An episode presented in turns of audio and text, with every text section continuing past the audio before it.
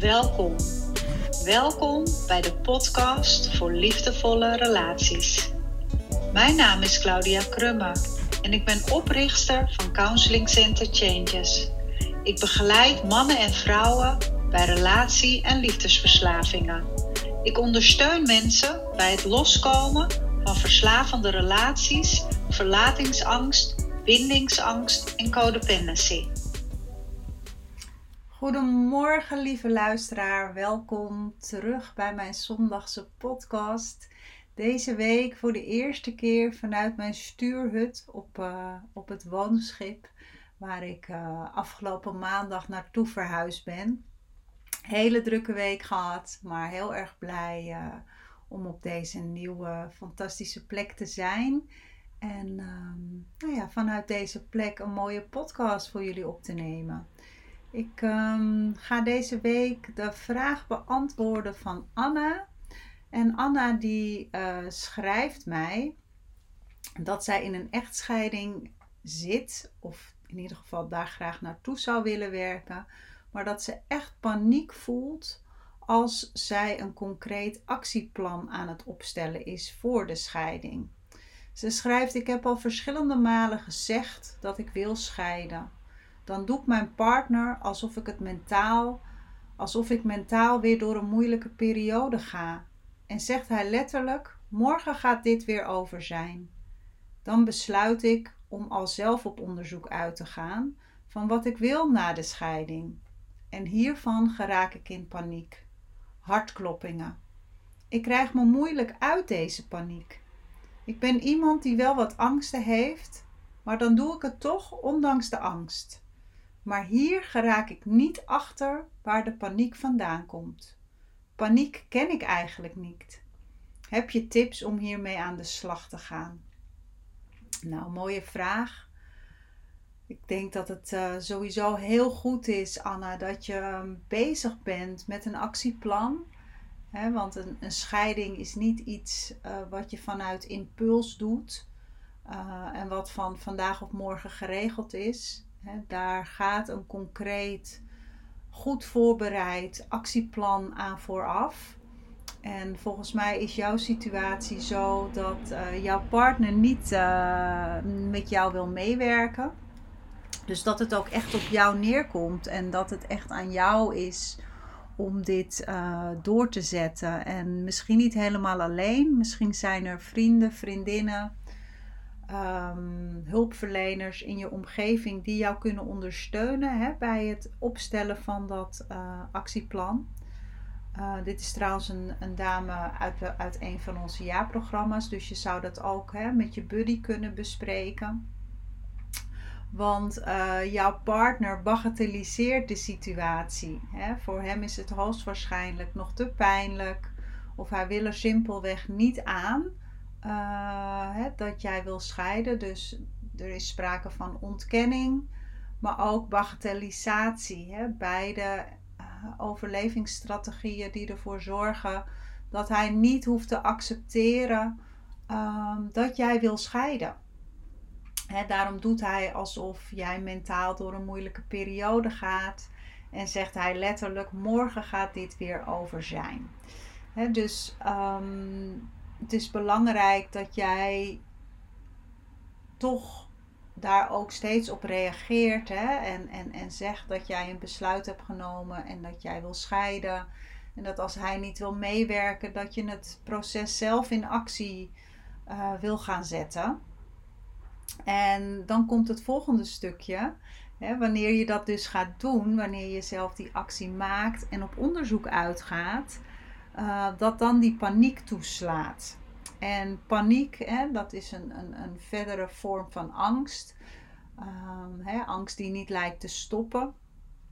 En angst is uh, voor mij een gevoel uh, waarbij ik me als eerste altijd afvraag of het een realistische angst is of een niet realistische angst. En of het een angst is van nu of dat het een oude angst is of een combinatie daarvan.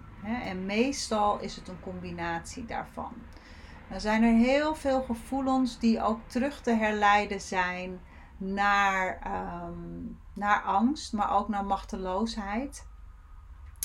Uh, ik herken zelf het gevoel machteloosheid vaak uh, wanneer ik getriggerd word in een, een stuk oude pijn. Um, hè, dus dat is de eerste stap die jij ook kunt zetten op het moment dat je de paniek voelt. Hè, van welk stukje in de voorbereiding, hè, wanneer je op dat onderzoek uitgaat en je kijkt en je voelt um, waar wil je zijn hè, na de scheiding, wat ga je doen, welk stukje triggert dan het meest waardoor je in de paniek schiet. Hè? Is het het stuk dat je alleen verder moet? Of zijn het de beren op de weg? Dat je alle praktische zaken zelfstandig moet gaan regelen? Of is het de angst dat je nooit meer een andere partner zal vinden? dus dat is denk ik de eerste stap dat je gaat onderzoeken wat komt er nou op mij af op het moment dat ik die scheiding in gang zet. Welke gevoelens, welke gedachten komen er op mij af? want dat kan je iets vertellen over, uh, over de angst. Of het een angst is ehm, vanuit het hier en nu, een realistische angst of een oude pijn. En nogmaals, meestal is het een combinatie van de twee. En op het moment dat het een combinatie is van de twee, dan kunnen we hem uit elkaar trekken en op tafeltjes leggen en gaan kijken hoe we daarmee omgaan. dus de angst in het hier en nu, ehm, die kunnen we mogelijk oplossen door om hulp te vragen, uh, een ander deelgenoot te maken van jouw angst en samen ondersteuning te vragen, hulp te vragen en, en daarmee dat stukje op te lossen de dieper liggende angst, die je al wat langer met je meedraagt, die is niet zomaar op te lossen. En dat hoeft ook niet. Hè. De, de eerste stap daarin is om uh, je te realiseren dat het een oude angst is, die niet weg hoeft, maar die bij jou hoort uh, bij een bepaalde oude wond. En je hoeft ook niet per se te weten waar het vandaan komt. Uh, maar in het werk wat wij doen, hè, en jij zit ook bij ons in de training, um, is het misschien wel goed om te onderzoeken waar die angst zijn grondslag heeft. Dus de vraag die je jezelf dan kan stellen is: waar in mijn leven heb ik deze angst eerder gevoeld? En op het moment dat de trigger wat helderder is en je weet waar je precies geraakt wordt, dan kun je ook meer onderzoeken of het angst is, of machteloosheid, of uh, een aanverwant gevoel. En hoe scherper je het gevoel hebt, hoe makkelijker het is om ook toegang te krijgen tot uh, de angel, hè, tot de, de oude wond. En op het moment dat je dat dan helder hebt, ik zeg altijd, dan is het eigenlijk een illusie die je doorprikt als een ballon. Die eigenlijk doorgeprikt wordt en waarin de illusie zich dan oplost. En je dus gaat snappen dat de angst die je nu voelt eigenlijk niets te maken heeft met het hier en nu. Waardoor het ook makkelijker wordt om dus niet te bevriezen en niet te verstijven, maar te zien van hé, hey, dit is een oude angst. Die hoort bij mij, die hoort bij dat meisje van 12 of van 8 of van 6. En um, ik kan er voor haar zijn, maar ik kan ook haar aan de hand nemen en gewoon in de actie blijven. En die scheiding aanvragen en uh, me inschrijven bij die woningbouwvereniging of mijn huis gaan verkopen of hè, wat de situatie ook is. Dus op, dat, op die manier uh, kun je dus wel in beweging blijven. En dat is eigenlijk wat je wilt. Hè? Want wat ik lees is dat je dus nu moeilijk uit die paniek komt, waardoor je als het ware verstijft en dus uh, in de vermijding schiet. En dan zit je ook zelf weer in een overlevingsstrategie. En dat is niet wat je wilt. Je wilt vanuit je volwassen autonome zelf wil je in de actie blijven en wil je vervolgstappen zetten.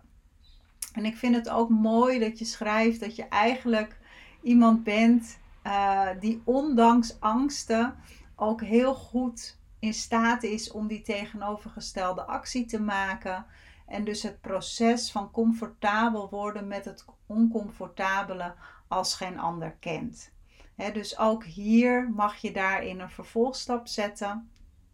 En ik zou zeggen, ehm, maak een afspraak anders met, met een van onze therapeuten of met een therapeut in jouw omgeving. Om toch nog wat dieper naar die angel te kijken. als je zelf niet, uh, als het niet lukt om, om echt bij die angel te komen. Of ga lekker ademen. We gaan aankomende dinsdag hebben we een online ademsessie in de therapeutische Zoom sessie.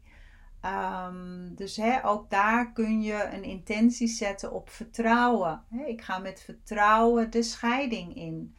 Of ik heb vertrouwen in het proces van de scheiding. En op het moment dat je dat kan integreren tijdens de ademsessie, dan ehm, zal het vertrouwen plaatsmaken voor de angst. En zo ehm, ja, heb je dan weer een mooie, mooie stap gezet. Goed, dat uh, is wat ik wilde delen voor vandaag ehm, met jullie.